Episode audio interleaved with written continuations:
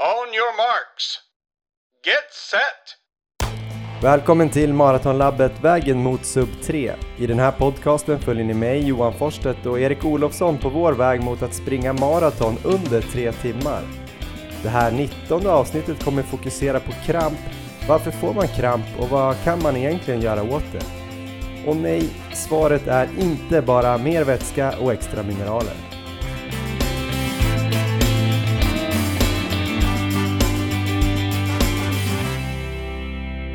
Hej Erik! God morgon Johan! God morgon, god morgon. Eh, hur är läget? Ehm, ja, det är väl uh, okej. Jag har väl... Uh, tyvärr är jag ju fortfarande sjuk. Så att uh, det är inte helt hundra men... Men uh, hyfsat bra humör i alla fall. ja men det låter som att du har haft svårt att hålla undan fingrarna från den där whiskyn som du hade druckit innan förra inspelningen. Ja, men den var god. Så att vi är i samma situation som, eh, som förra veckan. Lite annorlunda dock. Jag har ju, ja. jag har ju, jag är uppe i tio dagar nu utan träning så att det är rent maratonmässigt och rent träningsmässigt så är det jäkligt surt. Det måste jag ju erkänna. Tio dagar alltså? Ja, och det är alltså... Är det rekord eller? Sen vi drog igång så är det ju definitivt rekord. Ja men det är ju stort ändå. Det heter ju, det heter ju Maratonlabbet så det är ju häftigt om man slår något rekord inför varje inspelning. Ja precis, vi får tänka positivt. Så att, eh, ja, ja men det är rekord. Jag fick ett, eh, jag fick ett mail av dig eh, såg jag häromdagen. Jag hade skickat ett mess till dig och sen fick jag något mail. Ja. Jag tänker ta mig friheten att citera här. Jag trodde jag, jag, tro, jag, jag läser ordagrant också. Jag trodde jag vek kar frisk till ikväll när jag plötsligt börjat få feberfrossa. Skakar så jag inte kan skriva sms. 39 grader feber nu. Stockholm, Stockholm Mar kommer gå förlorat nu utan tvekan. Spå, spå det lär bli all in i Frankfurt. Ja, men lite så är situationen nog tror jag. Tyvärr. Och det är ju, det är tre dagar nu som jag haft feber faktiskt. Okay. Så att jag har även feber nu, jag kollar på morgonen och jag har 38 grader nu så att eh, det, det känns inte nära som att jag riktigt är på gång att börja träna. Men när du skriver att Stockholm Marathon kommer gå förlorat, menar du att det inte kommer vara någon chans att uh, klara sub 3 eller att du inte ens kommer kunna springa? Uh, nej, jag tror chansen att klara sub 3 är nog borta nu. Jag kände redan innan att jag hade egentligen inga marginaler att spela med utan att skulle jag haft en perfekt uppladdning så tror jag jag hade haft chans att klara det. Men nu är det ju tio dagar utan träning så att det är ju eh, det känns helt orimligt att jag ska ta det nu, speciellt som jag fortfarande har feber. Jag vet inte ens när jag kommer kunna börja, börja köra igen så att ehm, eh, jag är väl väldigt tveksam till start nu också. Det är ju, alltså på ett sätt vill jag ju springa för att det är ju det är ett jäkligt roligt lopp och det kommer ju säkert vara fantastisk stämning och så men jag är samtidigt så pass tävlingsinriktad att jag vet inte om jag kommer kunna bara liksom springa för att delta, det känns, eh, det känns svårt måste jag säga. Mm. Vad hade du tänkt att du skulle vilja göra då för att ha, att det skulle vara realistiskt att springa sub 3? Ja, förra veckan hade jag velat ha en riktigt hård träningsvecka och sen så kunna köra mina preparationslopp nu. Imorgon så var det tänkt att jag ska springa ett millopp här i Uppsala. Och det kommer ju gå förlorat nu och eh, jag missade ju senaste långpasset och jag kommer ju säkerligen missa det sista planerade långpasset också så att eh, det, äh, det känns ju som att det är en, en, absolut usel uppladdning även om jag skulle bli frisk till start så att säga.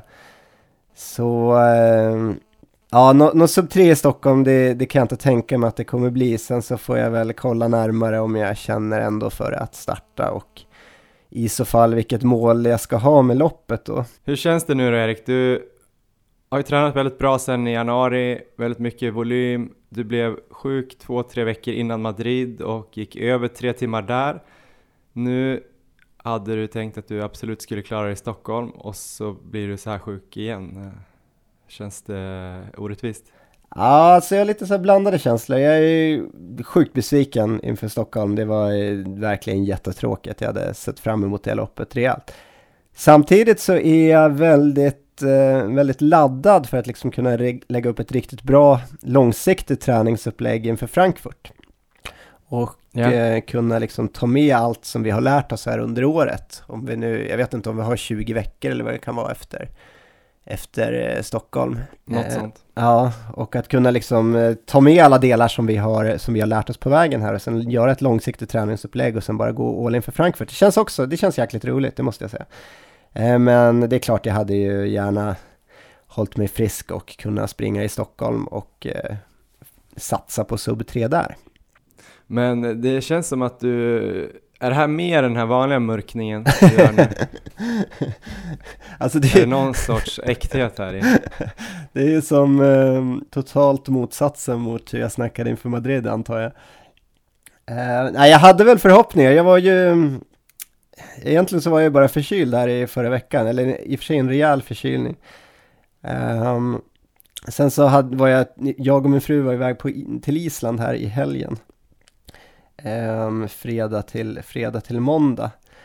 Och ehm, då började det kännas lite bättre i början på den resan, men när vi kom tillbaka på måndagen då hade jag väl liksom ställt in mig att nu har jag missat en vecka, men kan jag komma igång nu så, så kommer det, ehm, ja men då kan det ändå gå mot Stockholm.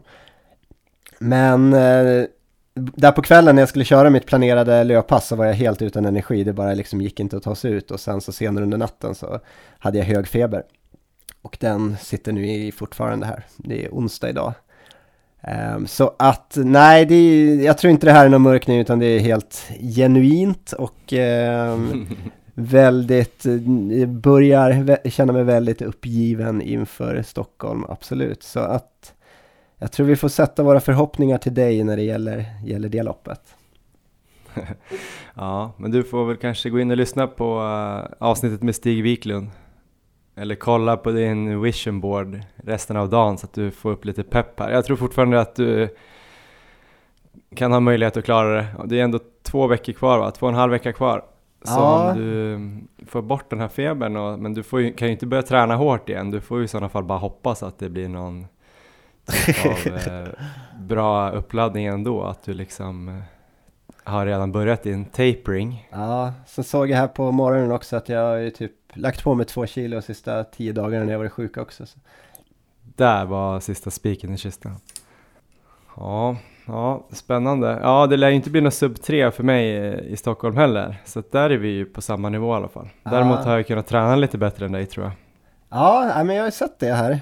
Du får, du får berätta helt enkelt. Jag har sett att du har kört på riktigt bra.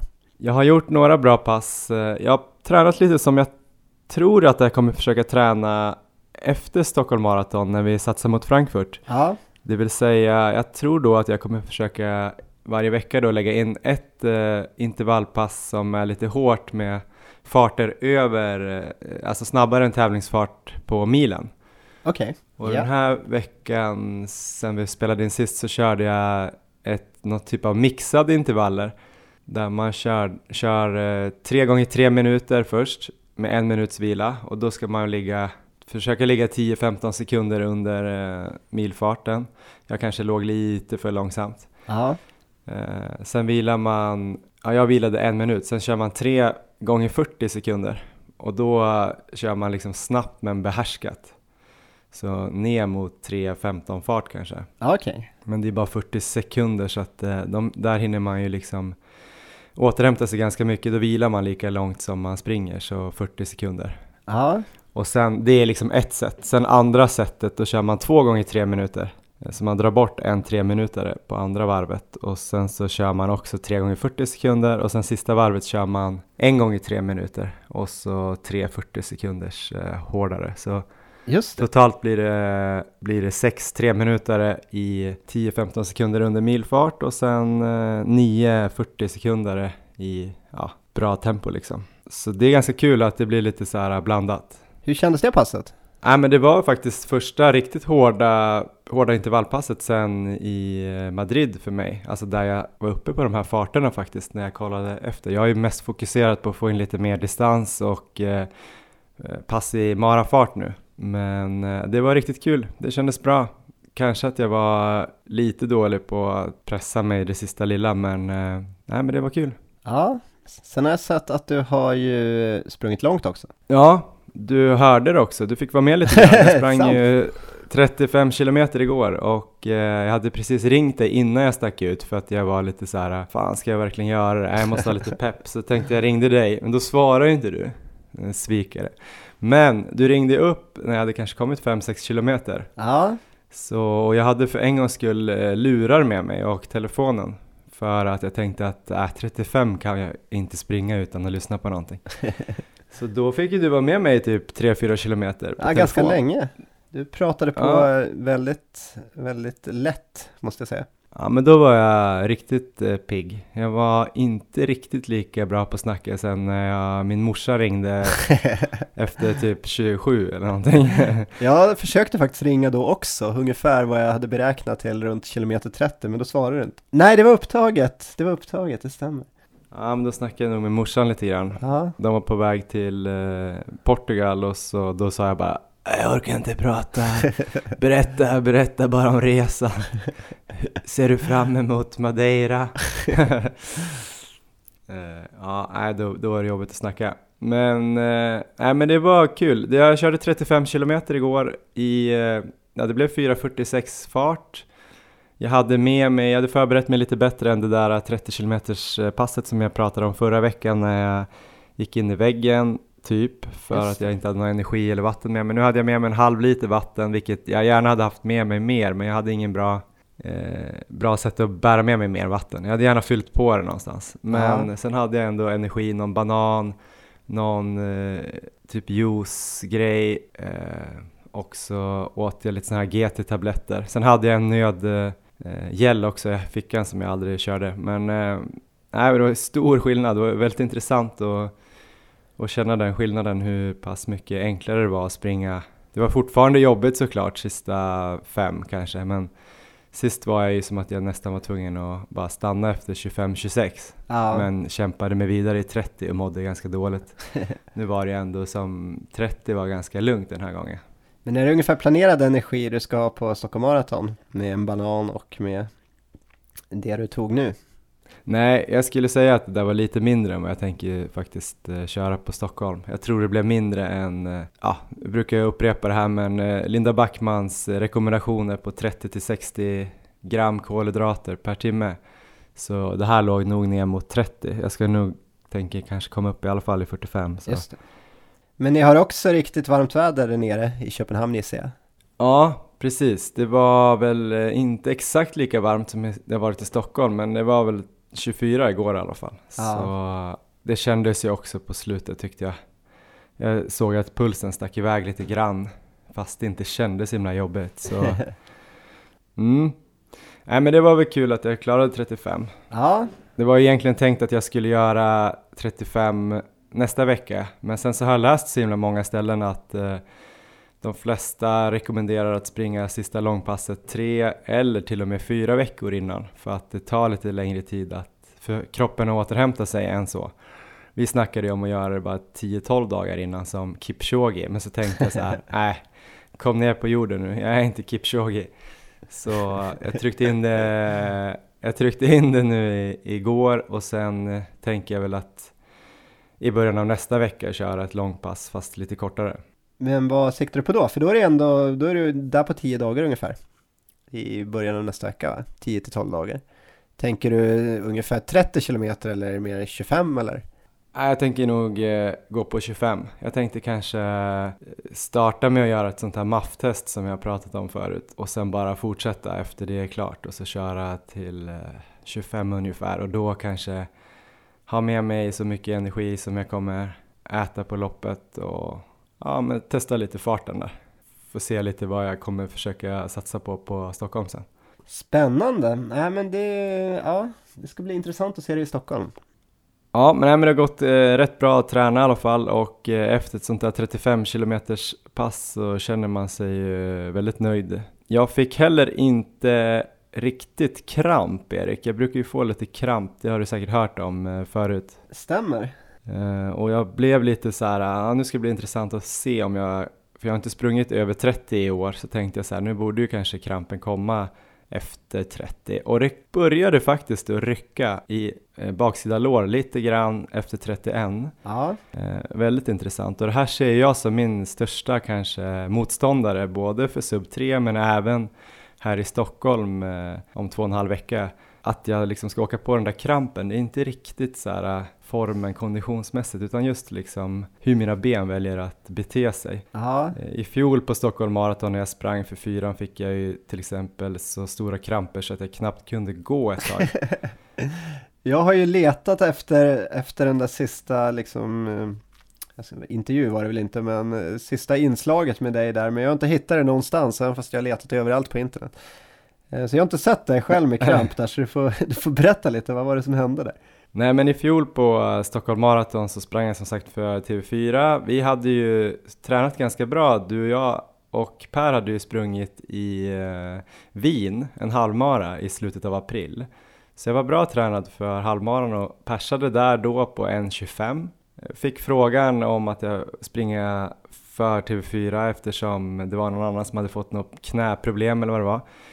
Jag hade lite ont i hälsenan men tyckte ändå att det var kul men eftersom jag hade problemet med hälsenan så hade jag inte springa så mycket långpass innan eh, Stockholm. Så när jag väl sprang i Stockholm så sprang jag typ eh, 21, jag sprang halva på 1.36 tror jag utan att egentligen förta mig. Jag sprang ju liksom och rapporterade TV och sådär och det kändes hur bra som helst. Ja, Och sen typ på 22 ut på Djurgården där, då bara plötsligt så här känner jag att det börjar rycka i baksida lår. Och då hade jag ju typ inte sprungit så mycket mer än 21-22 hela Ja. den hösten. Så det kom ju som ett brev på posten och sen eh, blev det bara värre och värre så jag började stretcha där efter 25 kanske. Och sen var det bara, jag kommer inte ihåg exakt men någonstans 30 35 så hade jag ju så mycket kramp så jag kom inte ens framåt. Jag hade en 5 kilometer någonstans på det där loppet som var typ 40 minuter. är helt absurda tider. Så eh, jag hann ju inte in, till slut så fick jag den här motorcykelfotografen, ja de fick ju sticka, sändningen tog ju slut. Den var ju bara tre och en halv timme lång i tv så att eh, de, de, de bara frågade så ja men går det bra eller så? Ja jo men jag tar mig hem på något sätt. Sen stack de. Eh, jag började liksom försöka gå lite och tänkte så här, men jag bryter nu, det här är kört. Jag me- messade redaktören och sa så här, men jag kommer inte i mål så här, men tack för idag, det här var ju härligt. Men då var jag någonstans på Torsgatan där upp mot Vasaparken Ja, och det var helt kört liksom. Så då började jag kolla mig runt, så här, hur ska jag ta mig hem? Jag hade inget SL-kort och jag visste inte heller att man fick tydligen åka gratis SL den dagen. Så jag började liksom gå där och tänkte så här, äh, jag fortsätter att gå samma väg, jag kom, jag måste ju till stadion och hämta mina grejer så, här. så jag började väl gå här. Alla liksom som stod och hejade började skrika på mig så här, kom igen, kom igen, vad fan, du kan inte lägga ner nu. Jag vet inte om de lät sådär negativa, men det var så jag kände i mitt huvud för att jag var ju superpigg i hela kroppen förutom ja, baksida lår och vader som krampade som, Ja. så fort jag liksom började gå alltså. Det var helt sjukt. Men sen så stod jag och stretchade ganska länge och så började jag gå alltså. Så um, jag vet inte, sista två kunde jag ändå jogga i sex tempo så jag kom ju in på någon så här 3.47 eller något sånt där. Så jag gjorde ju hela eftersom det var, jag kunde ändå följa banan, det var ändå närmaste vägen till stadion. Så. Så. Men det var ju lite deppigt för, um, för, eh, för mig själv även om jag tror att kanske tv-sändningen blev lite roligare, eventuellt. det tror jag. Jag har ingen aning, men jag gissar det. Så om jag kom in eh, på fyran där, ska jag kolla om, om det finns någonstans i deras arkiv kanske, något sånt där klipp. Då skulle man ju vara kul att lägga upp det någonting. Ja, absolut. Men i och med att jag har de här eh, problemen med kramp så har jag varit väldigt nyfiken på kramp eh, ja, sista 5-10 åren, eller alltid egentligen. Och det är ju ingen som vet exakt, exakt vad som händer eller vad man måste göra för att förebygga kramp. Men eh, det finns ju däremot mycket mer eh, att prata om kramp än att bara säga att man har för lite salt eller magnesium eller vätska. Det är ju mycket mer eh, komplicerat än så. Därför ringde jag upp eh, Simon Gustafsson som är en biomedicinare som eh, tillsammans med Tommy Ivarsson har en eh, podcast som heter Prestera Mera. Och där lyssnade jag en, gång på ett inslag om kramp som jag tyckte var väldigt intressant. Och nu ska han få snacka med mig och för er om kramp. Så varsågod Simon Gustafsson. On your marks. Get set. Jag är en, um, ganska många saker, men jag, jag, vill titulera mig som akademiker och idrottsman. Um, det är väl egentligen, jag älskar idrottsprestation um, inom konditionsidrott. Och det har ju drivit mig till att studera biomedicin. Um, gjorde det i Halmstad mellan 29 och 12. Um, ehm, sen har jag varit löpare, testat bodybuilding en sväng, uh, gjorde ett litet äventyr där jag cyklade genom Sverige utan mat 2016. Um, ehm, gick upp 22 kilo vikt på en och en halv månad och sen gick jag ner 14 kilo på 14 dagar. Och um, utöver det så arbetar jag jättemycket med just idrottsprestation, hjälpa elitidrottare att sy ihop Ehm, alltså de sista pusselbitarna, hur man eh, optimerar intensitet, nutrition, eh, träningsupplägg ehm, och eh, gjorde för ett par år sedan nu egentligen så slog vi slag och skapade podden Prestera Mera. Bara för att vi fick så mycket frågor kring ah, hur arbetar man, varför får man kramp? Um, hur gör man med, uh, ja, när man blir dehydrerad, är det farligt? Hur mycket energi ska man få? Uh, intervallträning och så vidare och så vidare.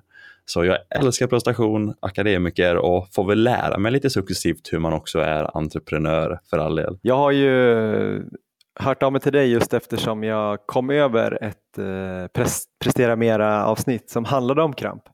Mm. Eh, och eh, jag vill prata med dig eftersom jag själv är en notorisk krampare skulle jag vilja säga. Eh, jag har haft eh, flera olika upplevelser av kramp på fjällmara, vanliga maror och Lidingölopp och sådär.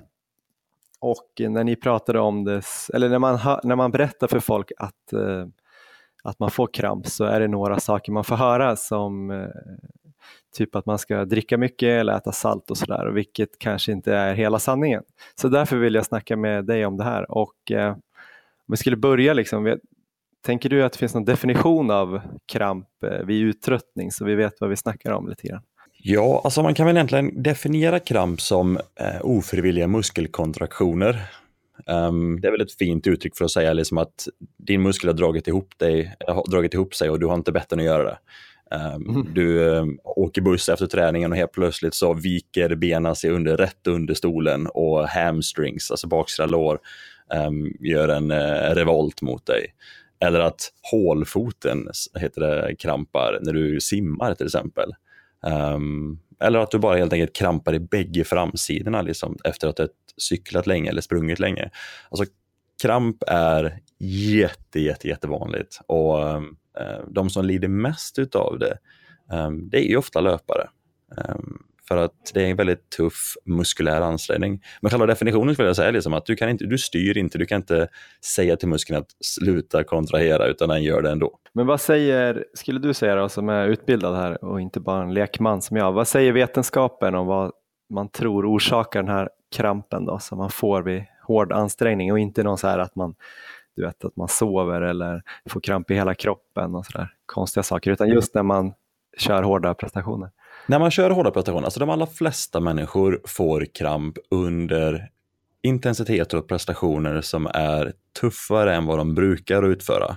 Um, och vad jag menar med det är helt enkelt att alltså, ska du springa 10 kilometer, Göteborgsvarvet, maraton um, eller 5 kilometer, liksom, det spelar egentligen ingen roll. Alltså, du kommer anpassa intensiteten till den volymen som du kommer utsätta dig för. Um, det är ofta då man krampar. Och vad kramp egentligen innebär är att muskeln, för de allra flesta, då, um, belastas till en högre grad än vad den är kapabel att hantera. Det blir en inbalans i muskelbuken versus i sen, senan där muskeln fäster. Då har man mm. två stycken organ som man pratar kring. Uh, någonting som kallas för muskelspindeln som skyddar muskeln vid väldigt kraftig utsträckning. Så till exempel om du skulle sparka liksom fort Eh, hårt på en fotboll så är det eh, muskelspinnen som hjälper till att kontrahera lite grann så att inte din fot bara flyger rätt upp och skadar leden. Den, liksom, den, den bromsar liksom, eh, hela sparken, så till att, liksom, att du skyddar muskeln. Um, och sen har man också det här senorganet, Golgi senorgan, som sitter i själva senan. Och den ser till att muskeln slappnar av när den är under ett väldigt högt tryck. Till exempel Um, du trampar snett och då känner muskeln att jäklar, nu håller någonting på att gå sönder och så bara faller du ihop. Alltså muskeln bara, den tar bort all kontraktion och så för att undvika helt enkelt att skada senan så att någonting går sönder. Så när muskelspindeln ser till att muskeln spänner sig för att skydda den så säger Golgi senorgan till att slappna av. Och det här har man pratat om i forskarvärlden kring alltså i över 20 år, att det här är troligtvis den vanligaste förklaringen till kramp. För under prestationen när man har sprungit hårt eller och länge så blir muskelspindeln hyperaktiv. Man ser liksom mm. att den, den, blir helt enkelt en imbalans mellan avslappning och kontraktion. Um, och då kan helt enkelt, eller rättare sagt Golgi senorgan bli lite inhiberad, alltså den sänker sin aktivering.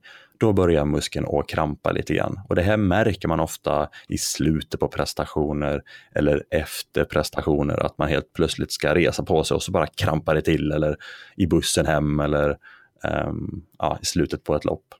Det är många som pratar alltid om att men du har druckit för lite, du har fått i dig för lite elektrolyter eller det är olika saltbrister du har. Ligger det någonting i det eller är det bara en gammal förklaringsmodell som typ att man ska få kramp efter att man har ätit när man badar till exempel? Ja, alltså, framförallt så är det, alltså, är det, är det alltså, en förklaringsmodell som har suttit kvar väldigt länge.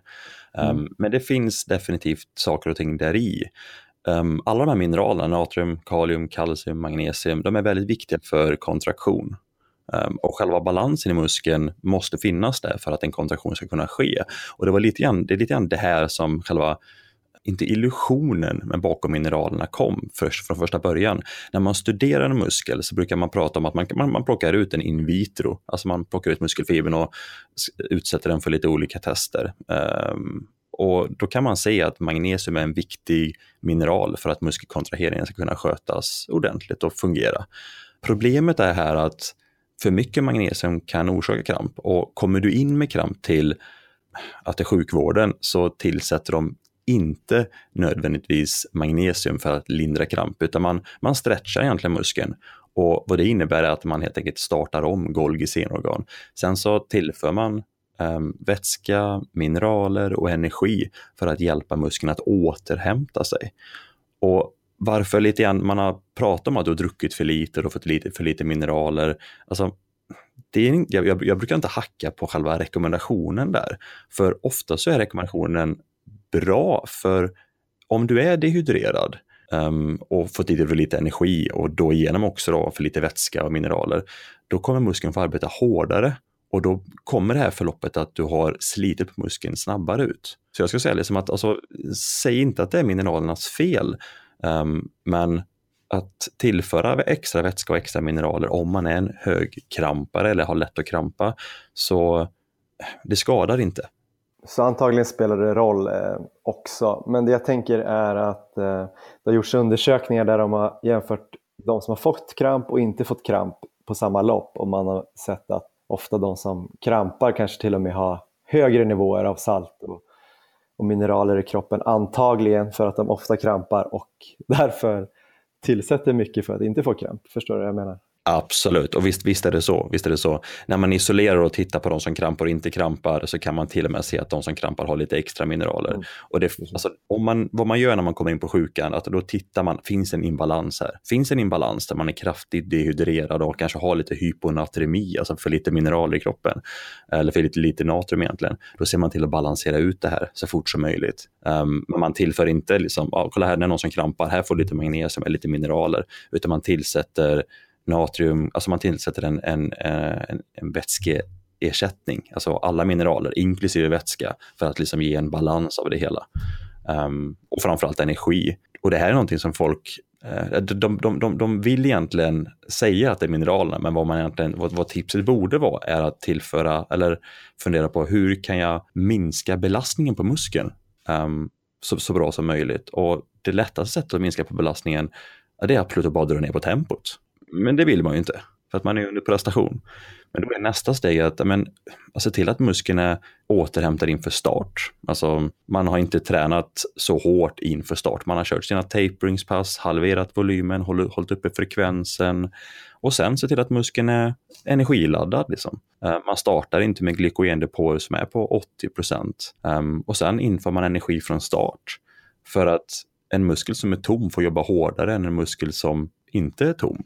Så att man försöker helt enkelt att putta ner alla de här faktorerna som gör att muskeln kan få en imbalans i muskelspindeln. Alltså man försöker att ja, minska liksom trycket på den kan man säga. Hänger du med? Ja, jag, jag, hänger med. Men om man då är som jag, det är möjligt absolut att jag har gjort eh, fel, både i uppladdning och kostintag och allt möjligt. Och träning inte minst. Liksom. Men om man har ändå känslan att man har gjort en ganska bra förberedelse, mer än många andra man kanske har pratat med, man har tränat bra och ändå tycker att man får liksom kramp eh, kilometer 21 på Lidingöloppet fast man tycker att det är en rimlig fart man håller. Är det bara att träna ännu hårdare och längre och högre intensitet som gäller eller finns det någonting man kan göra där? Eller? Alltså, ja, när det kom, om, om vi, tar, vi kan ta det två, eh, på två sätt egentligen. Um, träningen inför um, är det väldigt många som missar om man ska till exempel springa maraton, att man, man bör verkligen springa i stort sett maratondistansen, eller framförallt om man har en ambition om tid. Mm. Så att du har en ambition att faktiskt inte bara springa distansen utan du vill springa under en viss tid, sub 3 till exempel. Vill du springa under sub 3 så bör du vara bekväm att springa 45 eller till och med 50 kilometer i ja, en god distansfart. Men låt oss säga för dig här nu, om du ska springa sub 3 så hade jag sagt att alltså jag vill att du ska kunna springa bekvämt med energiupplägg och alltihopa fast lägre intensitet i mm. ja, alltså femfart över en femmilsrunda. Vad det gör är att då får du upp en väldigt stor volym i muskeln. Och för muskeln den belastas av två aspekter egentligen. Alltså det ena är intensitet och andra är volym. Mm. Det, det, är egentligen bara de här två vi har att spela, spela på. Um, och klarar man av den här höga volymen så kan man också arbeta på en högre intensitet på en lägre volym. Den aktuella sträckan. Då. Och det här mm. är så genomgående ifall du kollar på ultralöpare, ifall du kollar på duktiga cyklister. De har ju så många pass, eller om vi tar cyklister här nu, varenda helg är liksom fyra, fem, sex timmar under säsong och gärna på vinterhalvåret med och få upp de här höga volympassen. Mm. Så det är en viktig aspekt, liksom. längd på volymen, sänk intensiteten och få en, en hårdare muskel. Och vad jag menar med det är att muskeln blir bättre på att bibehålla en homeostas.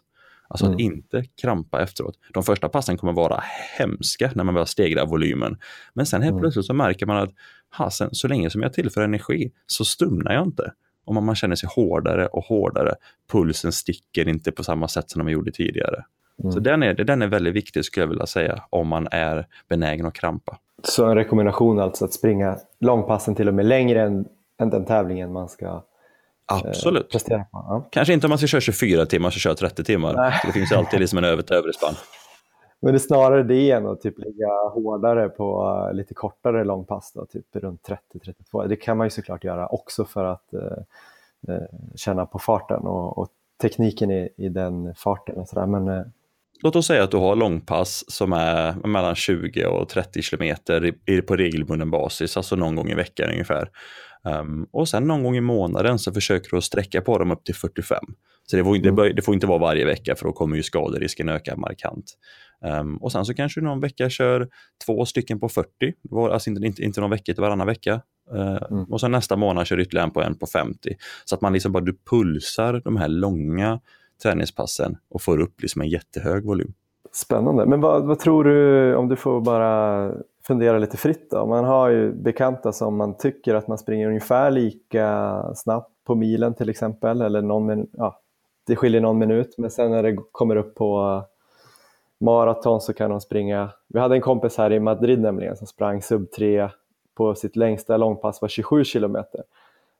Tror du att han då bara ha en så pass hög eh, eh, nivå så att han nästan joggar den på sub 3 då eller eh, finns det någon genetik som spelar roll? Eller? Ja, visst är det så. Vissa människor krampar i stort sett aldrig um, och vissa krampar direkt.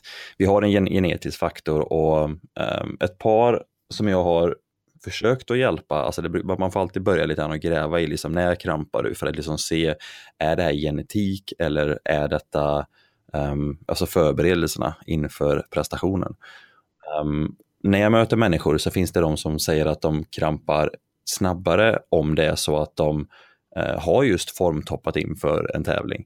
Uh, och vad de menar med formtoppning är till exempel att de har släppt upp träningen. De har kolhydratladdat. Inte överdrivet utan sett till att de har fått i sig fulla glykogendepåer. Um, eller bara att de går ner i vattnet egentligen och är återhämtade så krampar de. Deras hamstrings bara knyter sig så fort de ska simma. Um, och då finns det uh, TRCP1 jonkanaler i våra celler som man har sett kan vara hyperaktiva egentligen. Um, och Det här är en ny förklaringsmodell, eller rättare sagt den, den går ihop lite grann med muskelspindeln. Um, men ja, eh, de här jonkanalerna kan ju vara, de, de reagerar på lite olika saker. De reagerar på starka kryddor, osmotiskt tryck, till exempel hur full muskeln är utav vätska och energi, eh, kyla, Um, ja, och så då även muskulär anspänning och imbalanser utav mineraler. Så att det är väldigt många saker som kan adderas ihop för att st stimulera de här jonkanalerna. Um, och det finns lite spännande forskning som har genom utförts i bland annat Tyskland och USA. Um, där man har lyckats att hämma dessa kanaler och eller stimulera dem och på det sättet då kunnat då belasta muskeln hårdare eller få den att krampa ännu tidigare. Och det här tycker vi är lite intressant. Jag lyssnade på ert eh, inslag där, förlåt att jag avbryter, och, och läste lite om det. Men först, ja, det är ganska invecklat det här med de här jonkanalerna. Men eh, du sa där någonting med att om man var kanske kolhydratladdad, att mm. det till och med kanske var negativt för krampen, att det kanske kommer, hur funkar det liksom? Troligtvis har det att göra med det osmotiska trycket där. Mm. Jag har jätteproblem, eller ja, jätteproblem det var det att ta i, men jag kan inte köra kreatin på, på daglig basis eller köra kreatinladdning hela tiden. Um, för gör jag det så upplever jag att jag krampar mycket tidigare när jag kör 5 km och 10 km um, när jag är laddad. Då. För att kreatin binder också till sig lite cellulär vätska upp i cellen. Um, och när det här blir lite tajtare så krampar jag i vader, mina hamstrings krampar och um, ja, jag har lite svårt liksom att känna mig avslappnad. Så att mm. jag kör kreatin inför uppladdningen, till exempel tre dagar bara för att maximera kolhydratuppladdningen. Men jag kör det inte på regelbunden basis, jag har ett höga kreatinnivåer i kroppen. Um, och det där är lite grann så om man får laborera med det. Människor som krampar på grund av just vätskevolym eller energivolym i muskeln, de kanske har jätteproblem ifall de äter för salt mat dagarna inför, liksom, för att de har för mycket blodplasma och en ja, plasma överlag i kroppen. Så det finns så mycket att, liksom, att gräva i det här. Um, och får någon till exempel kramp och testa magnesium och bli hjälpt av det, då säger jag men jättebra, alltså då funkar någonting. Jag fick ett mejl häromdagen, det var någon som, hade, som nyttjar våra salttabletter och säger att det här funkar fantastiskt bra, han är så sjukt tacksam. Det dummaste jag kan göra är egentligen att mejla tillbaka och säga ja, Ja, fast jag tror inte det var saltet. Jag tror bara att du fick en plan. För det kanske var mm. saltet i den här personen. kanske var saltet. Um, för det är en av många förklaringsmodeller. Då. Just det. Andra saker som man har läst om då efter det här som du pratade om med jonkanalerna och det här att eh, Golgi och ja, de här olika organen, ja, muskelspindeln som, eh, som blir i en balans. Det har man ju hört att man kanske ska starta om de här eller störa ut dem med till exempel spad från saltgurka eller de här produkterna som du kanske nämnde eller pratade om. Det finns en produkt i USA som heter Hotshot. Så. Hur, hur tänker man att det skulle fungera? För det ska ju på något sätt stimulera något i, i munnen bara. Ja, och det är egentligen de här eh, jonkanalerna som de stimulerar. Um, mm. och Alltså, jo, alltså, man, får, man kan testa sådana här till exempel starka kryddor, kapsaicin eller, eller, eller gurka, men gurkan var väl lite eh, tveksam till förklaringsmodellen då gurka också innehåller energi. Um, mm. Så att det kan också vara att, att muskeln fick energi och då i sin tur inte behövde arbeta på riktigt samma intensitet som den andra gruppen. Så att ja, alltså, det finns det finns ändå lite grann att ta hänsyn till där. Men starka kryddor tycker jag ändå, den är väldigt intressant. Det är den faktiskt. Och på vilket sätt skulle du kunna förändra den här balansen mellan Golgi och muskelspindeln? Ja, alltså vad det gör egentligen att eh, Golgi musk och, muskelspindeln, eh, de, de arbetar emot varandra. Um, och i alla celler så har vi dessa jonkanaler. Det finns ju även i muskelceller med andra ord, alltså cellerna finns ju i hela kroppen. När man då hämmar dessa jonkanaler så ja, alltså slappnar muskeln av. Exakt varför det händer, ja, alltså det, det, det, vet jag faktiskt inte. Det är svåra förklaringsmodeller. Mm. Um, Men jag tror att, jag tror att det fanns en var ett 30-tal eller 40-tal av de här jonkanalerna och man har inte kartlagt allihopa än exakt hur det fungerar. Men att troligtvis gör det liksom att muskelspindeln slappnar av mer än att Golgi senorgan startar om. Mm. Alltså heter man hemma själva kontraktionen. Um, och gör man det parallellt som man faktiskt stretchar muskeln, alltså man tar någonting, en hotshot eller starka kryddor, liksom man gör en cocktail hemma helt enkelt. Um, och så krampar man kanske på sitt maraton, tar en hotshot eller stark krydda samtidigt som man sträcker ut muskeln. Då kan man få en dubbel effekt. Då. Um, mm. Man har minskat belastningen på, senor, på, på muskelspindeln och man har fått Golgi att um, vara, verka aktiv igen och liksom kunna uh, få muskeln att skicka signaler att slappna av. Um, Möjligtvis, liksom, men det är nu, nu spekulerar jag verkligen kring två, en produkt och ett, ett ja, kliniskt beprövat sätt att sträcka ut. Just det. Men om man nu skulle kunna stänga av krampen inom citationstecken, vilket man då kanske inte kan, men, men riskerar man då en skada? Är det, är det därför krampen finns? Att den ska... Um, ja, alltså nej, nej, det skulle jag nog inte säga. Jag skulle nog inte säga att du upplever, alltså kan få skada av att stänga av kramp. Um, uh, det skulle jag inte säga. Men alltså egentligen ska man säga att den, den viktigaste för att inte skada muskeln, det är Golgi senorgan egentligen. Um, för att det är den som gör att muskeln slappnar av och det är den som blir inhiberad av det hela. Um, vad många har känt är att om de har krampat kaos mycket så får de ju ordentligt mycket träningsverk dagen efter. Så om mm. det är mm. någonting skulle jag säga liksom att krampen är någonting som inte nödvändigtvis är, eller absolut inte är positivt för kroppen. Utan det är, det är en hög stress för kroppen att ha kramp. Man kan ha riktigt ont i kroppen efteråt om man har fått kramp. Um, så jag har svårt att se vad det positiva med kramp är, för bortsett från att den totala aktiviteten kanske bromsas överlag då. Mm. Men jag tänkte, du springer en del och när jag lyssnade på avsnittet där eh, om kramp som ni hade, Prestera Mera, så fick jag känslan av att du hade en del egna personliga erfarenheter av kramp. Eh, berätta lite om det och eh, vad har du gjort? Har du gjort någonting som har gjort att det har blivit bättre? Ja, som sagt, jag krampar högst troligen tror jag utav eh, vätskeansamling eller, eller liksom, som när jag är för fylld egentligen. Um, så jag har svårt att liksom använda alltså, vätska uppe med kreatin, liksom, då funkar det inte. Men det funkar att vara kolhydratladdad. Så mm det som funkar absolut mest för mig, det är att jag är väldigt strategisk med min plan, med min energiplan. Så jag får i mig är det en varm dag så ser jag till att, eller en varm period, då ser jag till att träna mycket vätska och träna med energi så att magen klarar av de här intagen. För jag vet mm. jag kommer svettas mycket och svettas jag mycket så till slut så blir jag givetvis dehydrerad och jag vill försöka hålla en hög energiplan och en hög vätskeplan. Jag körde Wings for Life för, var det ett år sedan, ja förra året var det.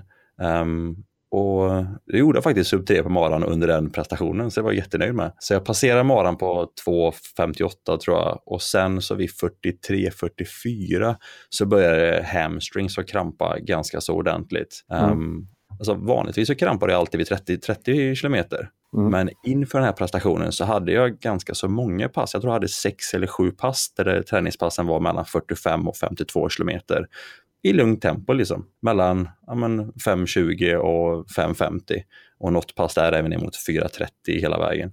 Så att liksom, jag hade byggt hela liksom, eh, prestationen med långa långpass och en energiplan som var gedigen. Um, och det gjorde att jag krampade väl efter maratonet. Så, ja, så, så, jag ska säga, det är den absolut största lärdomen. Um, försök att hjälpa kroppen hålla en homeostas till den graden som det går tillsätt energi, tillsätt vätska och eh, träna på det upplägget inför start. Det, jag ska säga, mm. där, är, där är 90% skulle få hjälp av det när det kommer till kramp.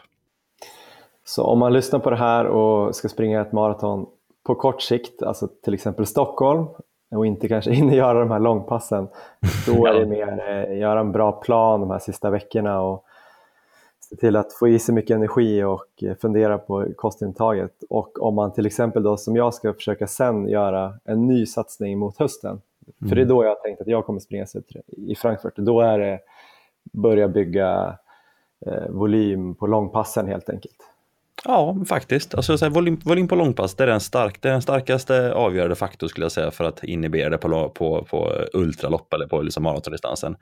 Um, sen ska man inte nedvärdera givetvis att man ska ha en överkapacitet i liksom hastighet med. Man ska vara, alltså, intervallpassen ska vara snabba så att man ska, det ska kännas som att tävlingsfarten är Alltså, den är lugn och bekväm egentligen om du bara skulle köra en mil av den. Mm. Den är också viktig, liksom, att du ska kunna vara, springa, kunna springa bekvämt. Um, för jag vet att du hade en fråga som var lite grann om man har lite för spänstigt löpsteg till exempel. Ja. Um, har, har det någon påverkan? Och alltså på ett sätt så har det ju det, för att om du har springit med ett spänstigt löpsteg så kommer det också innebära att du har en ganska så låg kadens. Vilket också Mm. innebär att varje steg får en högre kraft på sig, för tiden blir ganska så um, lång liksom mellan um, alltså kontraktionsfasen. Så uh, kan man springa mer avslappnat, flyta mer i steget och belasta muskeln med en lägre power egentligen, så är det positivt, absolut. Och det är väl egentligen någonting som kommer med tiden, alltså det här är någonting som också folk behöver att höra tror jag. Det är att om vi tar två stycken löpare som bägge Mm. två har 70, eller vi, vi kör 60 i VO2, 60 milliliter i VO2, um, då kan prestationen skilja alltså, jättemycket mellan dessa löpare. Och den största skillnaden med de här två, det är framförallt senuppbyggnaden, eller egentligen hårdheten i ligamenterna. För ju mer vältränad man blir, alltså ju högre kontinuitet över lång tid man har, ju starkare senor får vi och starkare ligament får vi. Det innebär också att vi arbetar med musklerna mindre och mindre. Så en ung person behöver ha ett högre syreupptag för att kunna springa jämte en lite mer erfaren person. Um, trots att den erfarna personen kanske springer lite avigare, men han kan lagra mer energin i senor och han har starkare golgorgan helt enkelt och bättre balans. Så man krampar ofta mindre och mindre när erfarenheten kommer ikapp. Ja, mycket, mycket spännande Simon. Till sist då, eh, jag känner, sitter redan här och börjar bli nervös för de här långpassen som jag måste göra eftersom jag tänker att man kanske skulle gå upp mot 40, 38-40 och tänker att det är nog jobbigt. Men nu ska jag alltså köra upp mot 45-50 då. Jajamän, jajamän. Du som har gjort så här, ja, snacka om att du gjorde 6-7 sådana inför, eh, i fjol där inför ditt eh, lopp och du har cyklat genom Sverige utan att äta, vilket är en helt annan historia. Eh, har du något så här mentala knep? Du har även jobbat med bodybuilding, tänker jag också är väldigt mycket disciplin. Så här, hur, hur, hur ska man tänka? Alltså, det här är, eh, den mentala aspekten är jätte, jätteviktig i allt det man egentligen utför. Det, det, det är jag den första att skriva under. Um, det som alltid har hjälpt mig uh, med att alltså, dieta ner mig till en väldigt låg kroppsfettprocent Mm. eller gå upp i vikt eller i Sverige och allt det här. Alltså alla mina äventyr som jag har utsatt mig själv för um, har varit förhållandevis enkla att genomföra så länge som jag har koll på vad jag ska genomföra. Alltså jag, jag är ordentligt påläst. Um, när jag ska göra en diet så ser jag till liksom att kolla med människor som förstår hur en diet går till. Um, jag gör inte en svältdiet om jag inte riktigt har koll på vad som, hur det faktiskt funkar. Um, för om du förstår mekaniken bakom prestationen, um, att liksom inte äta, det fungerar. Du kommer uppleva det här och det här och det här. Um, så här kan vi ta bort de värsta fallgroparna. Då vet man att resten är psykiskt. Och har man tagit hand om det mekaniska, det fysiska, så är det så lätt att luta sig mot att jag har gjort allt jag kan och det här fungerar i teorin. Alltså, det, det, det är väldigt många som går in i utmaningar utan att ha gjort läxan. Mm. Det, alltså, läxan är jätteviktig. Så ska du göra sub 3 på maraton, då är min, mitt tips egentligen att kolla på vad behöver du göra på 10 kilometer. Och nu fick du tipset av mig, sträck på långpassen, bortsett från att vara snabb på de korta passen.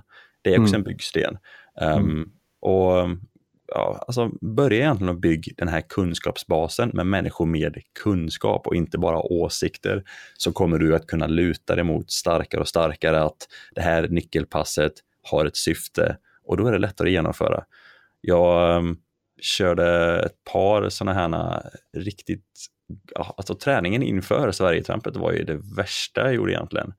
Um, Mm. För att då ville jag egentligen, jag, jag fastade i två dagar, eh, sprang ett maraton, också, fastandes, tog en kaffe, satte mig på cykeln, cyklade sex timmar och sen så ifrågasatte jag, är det här värt det? För jag vet att jag klarar det fysiologiskt, men är det här värt det? Att må så här i två veckor? alltså om frågan var ja, för att jag visste att det går rent tekniskt, rent fysiskt, um, så var det egentligen aldrig svårt med Sverigetrampet, för det är den absolut största breddriften jag har gjort. Så, um, ehm, alla andra saker blir lättare egentligen, liksom, att liksom hålla ett kaloriunderskott på 500 kalorier. Det är mätbart, det är strategiskt om man har en plan. Um, hålla ett träningsschema blir också strategiskt. Så att bara liksom vara, gör läxan och bryt ner prestationen um, så, så blir alla träningspass så mycket enklare. Mm. Tusen tack. Vi får fortsätta med podden helt enkelt och lära oss eh, lite mer av inspirerande personer som du som har kunskap också. Eh, så kommer ja, det där är det grymmaste ni har mannen. Podden är grym ja. för er, jag tror det. Ja. Då hålls ni liksom verkligen ajour. Ja. Suveränt Simon, tusen tack. Mm, tack själv mannen, tack själv och lycka till nu.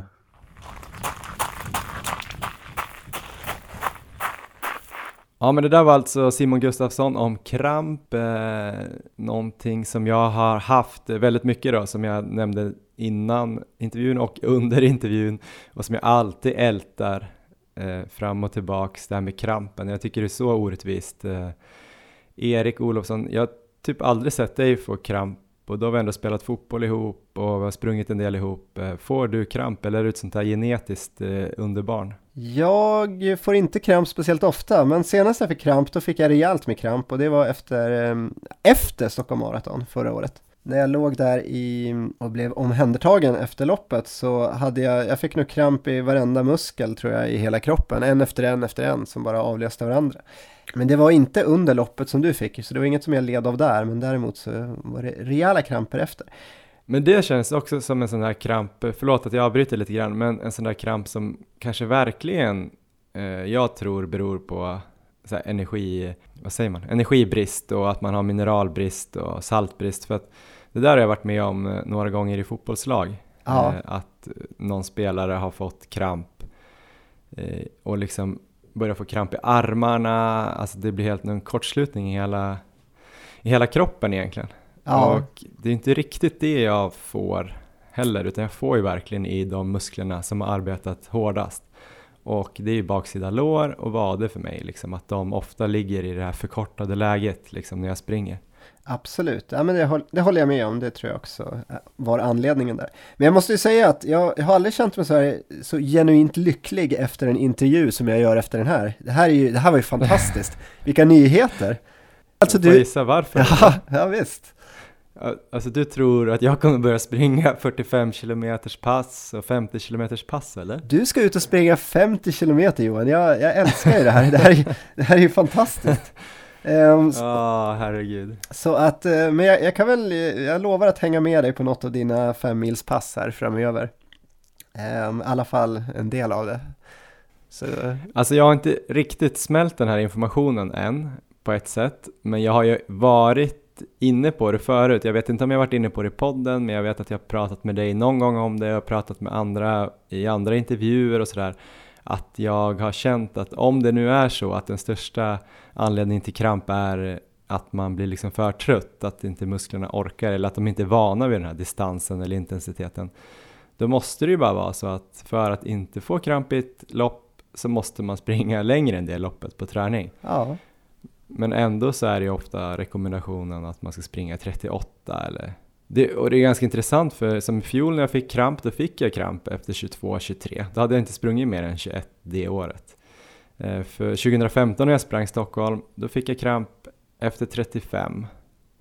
Då hade det längsta passet den våren varit 33, 34. Så det verkar ja. liksom, det här är ju väldigt eh, ett lågt, litet underlag för en empirisk studie men samma med alla mina Lidingölopp, det är ju väldigt sällan jag varit ute där och sprungit mycket längre än 22-23 eh, på träning och då är det då jag har fått kramp också. Någon gång var jag faktiskt ute och körde 30 kilometer hela Lidingöloppet som, som träning men det blev nog bara en gång så att, eh, mm.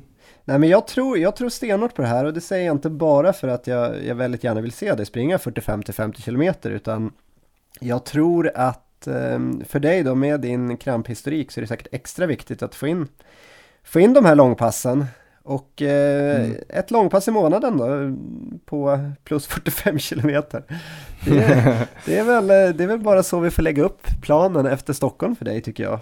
kanske att det måste bli så att man, jag får typ svälja någonstans det här med att, eh, ja men du vet att jag får, eller någonstans får jag väl inse då bara kanske att folk är olika. Jag kan inte gå runt och vara så här uh, irriterad eller avundsjuk på folk som uh, kan springa 30 kilometer som längsta långpass och sen klara maran utan att få kramp i höga farter.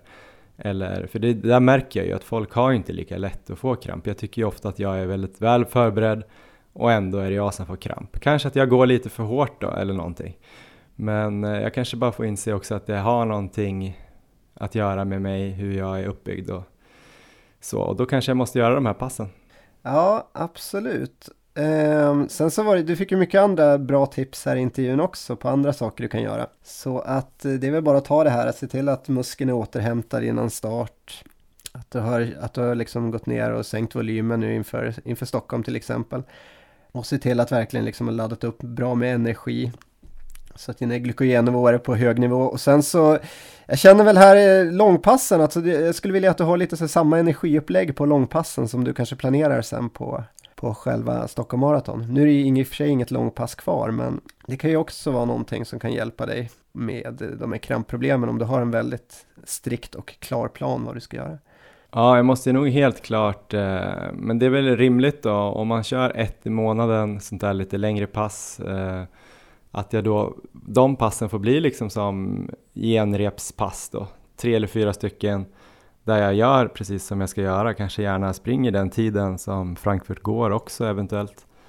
Och så har jag verkligen eh, räknat ut energin och så kan jag ju testa lite liksom fram och tillbaka vad som funkar. Och det blir bra på så sätt också att jag får kolla vart det börjar skava och vad som är svårt att få i mig vissa sträckor eller ja, du vet, det här med att eh, se om magen klarar av vissa drycker eller gäller eller sådär. Så på så sätt skulle det vara bra. Sen så känns det ju som eh, en tung grej att göra på något sätt. Men det kanske är bra för mig mentalt också. Det tror jag. Och sen så blir det något som Simon sa i intervjun också, att det kommer ju vara tufft de första passen, men sen så kommer kroppen vänja sig. Mm. Så att du kanske kommer börja gilla de här femmilspassen där någon gång in i augusti eller något sånt där. Och, eh, fem mil, tror du att jag kommer springa fem mil Erik? Och, och om inte annat så kommer jag gilla det så att det, det kommer bli bra. Jag är, jag, är, jag, är, positiv igen, jag känner mig glad, jag känner mig laddad. Det, det här kommer bli bra. Ärligt talat, jag trodde kanske inte så mycket på det, men jag hade hoppats att eh, Simon hade sagt någonting i stil med nej men det här hotshot, det här amerikanska tillskottet eller spadet från eh, saltgurka, alltså det räcker liksom.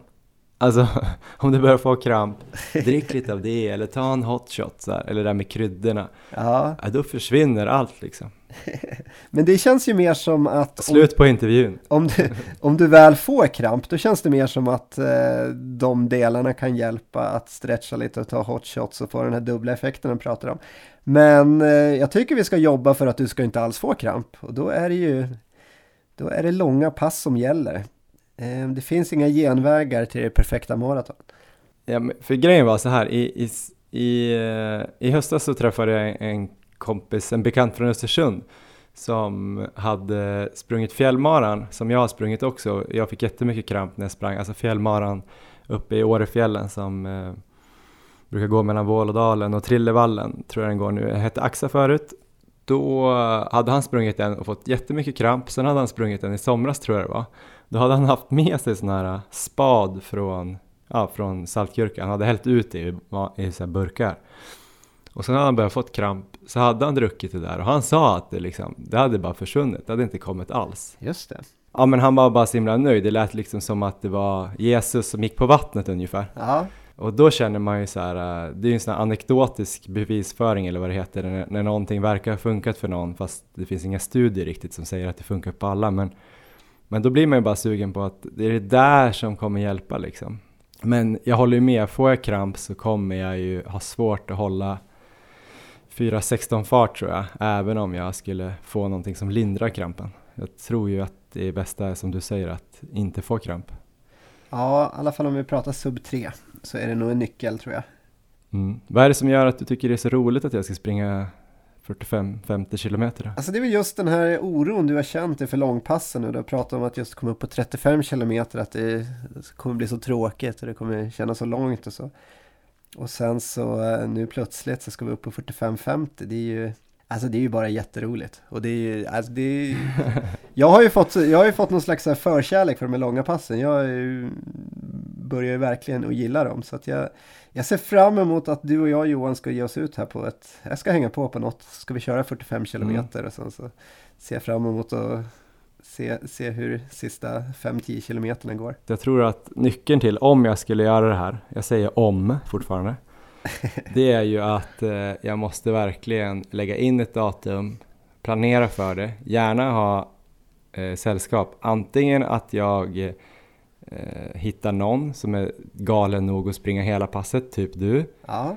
Eller att jag liksom har en kompis som kanske är med andra halvan eller sådär så att jag springer 21-22 själv och sen så möter upp någon som vill springa typ 22 eller om jag hittar två stycken som vill springa 22 så kan jag springa halva var. Men, men jag tror det verkligen, för mig måste det nog vara, det är inte direkt som att jag bara på kvällen, eh, ja men imorgon sticker jag ut och kör 47. Så här, det tror jag inte kommer funka för mig.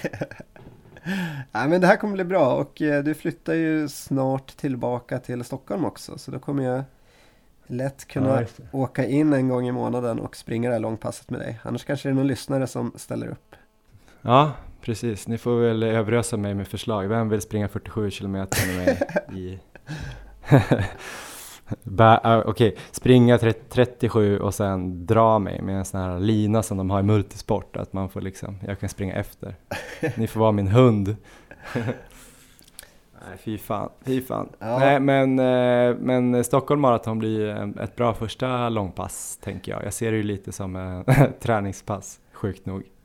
Ja, men det blir, ett, det blir ett intressant test att se hur just krampläget är nu. Tycker jag. Så det ska bli en av de intressanta delarna. Sen så, eh, alltså det ett, ett eh, bra tips här, eller ja, som vi väl har gjort här ganska länge nu, det är ju som man pratar om i slutet av intervjun, att ta experthjälp. Och den här, den här podden är ju verkligen det perfekta exemplet på det. Så det känns ju, känns ju väldigt bra måste jag säga inför eh, Frankfurt kanske framför allt. Mm, men jag känner också att jag börjar bli väldigt taggad för Frankfurt. Det känns nästan som att man börjar glömma bort Stockholm på ett sätt för att eh, jag har blivit lite så ja ah, men den ska jag springa men det kommer inte bli sub 3 och jag har inte hunnit träna exakt som jag har velat men de här sista veckorna efter Madrid hade jag ju en liten dipp där när jag tyckte det var rätt tråkigt och tomt så här.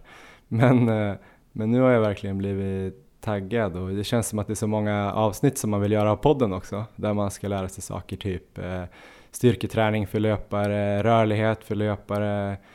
Vi har ett mentalt, eh, mentalt träningsavsnitt, vi har ett till kostavsnitt, du vet. Det är väldigt mycket så här som man skulle kunna optimera.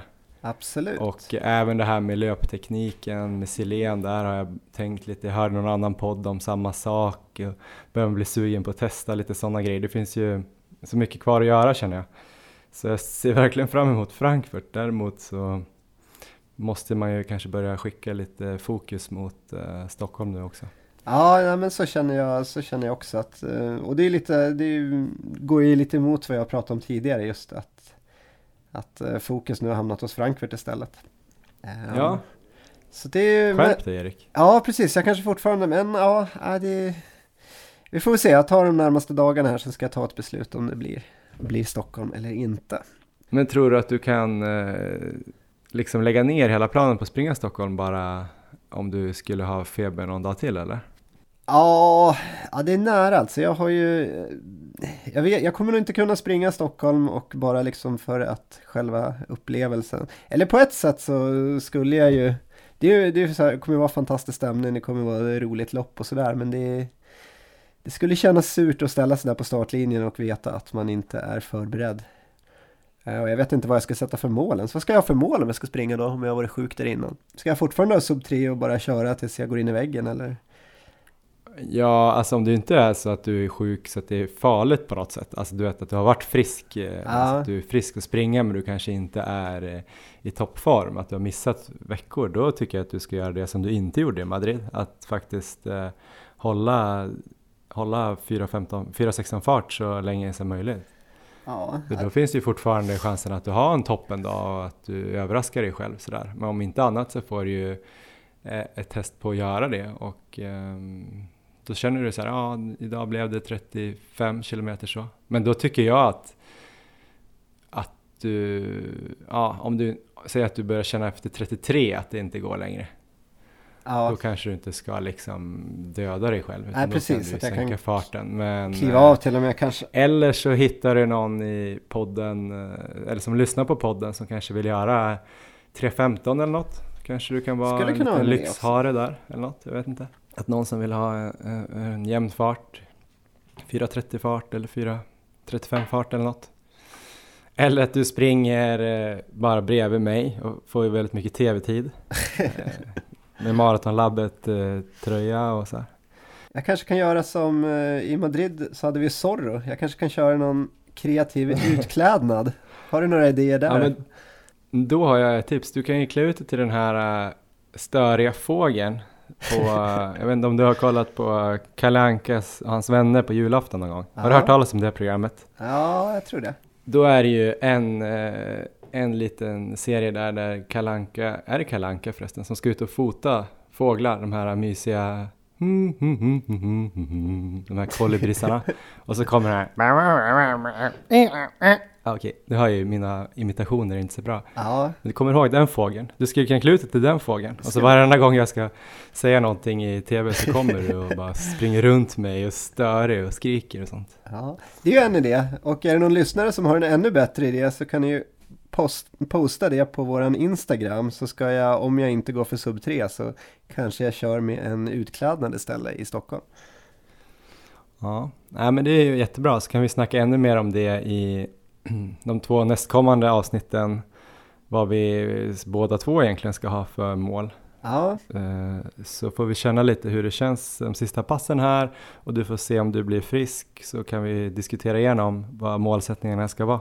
Ja precis. Men eh, om du blir frisk nu då lite kort, eh, vad kommer du träna den här veckan som kommer då? Tror du att du kommer kunna träna någonting? Nej, det tror jag inte. Det är feber, febern är kvar och ehm, loppet imorgon är ju kört såklart. Sen så hade jag ju ett långpass planerat kanske 12-13 dagar innan. Och där har jag fortfarande några dagar på mig.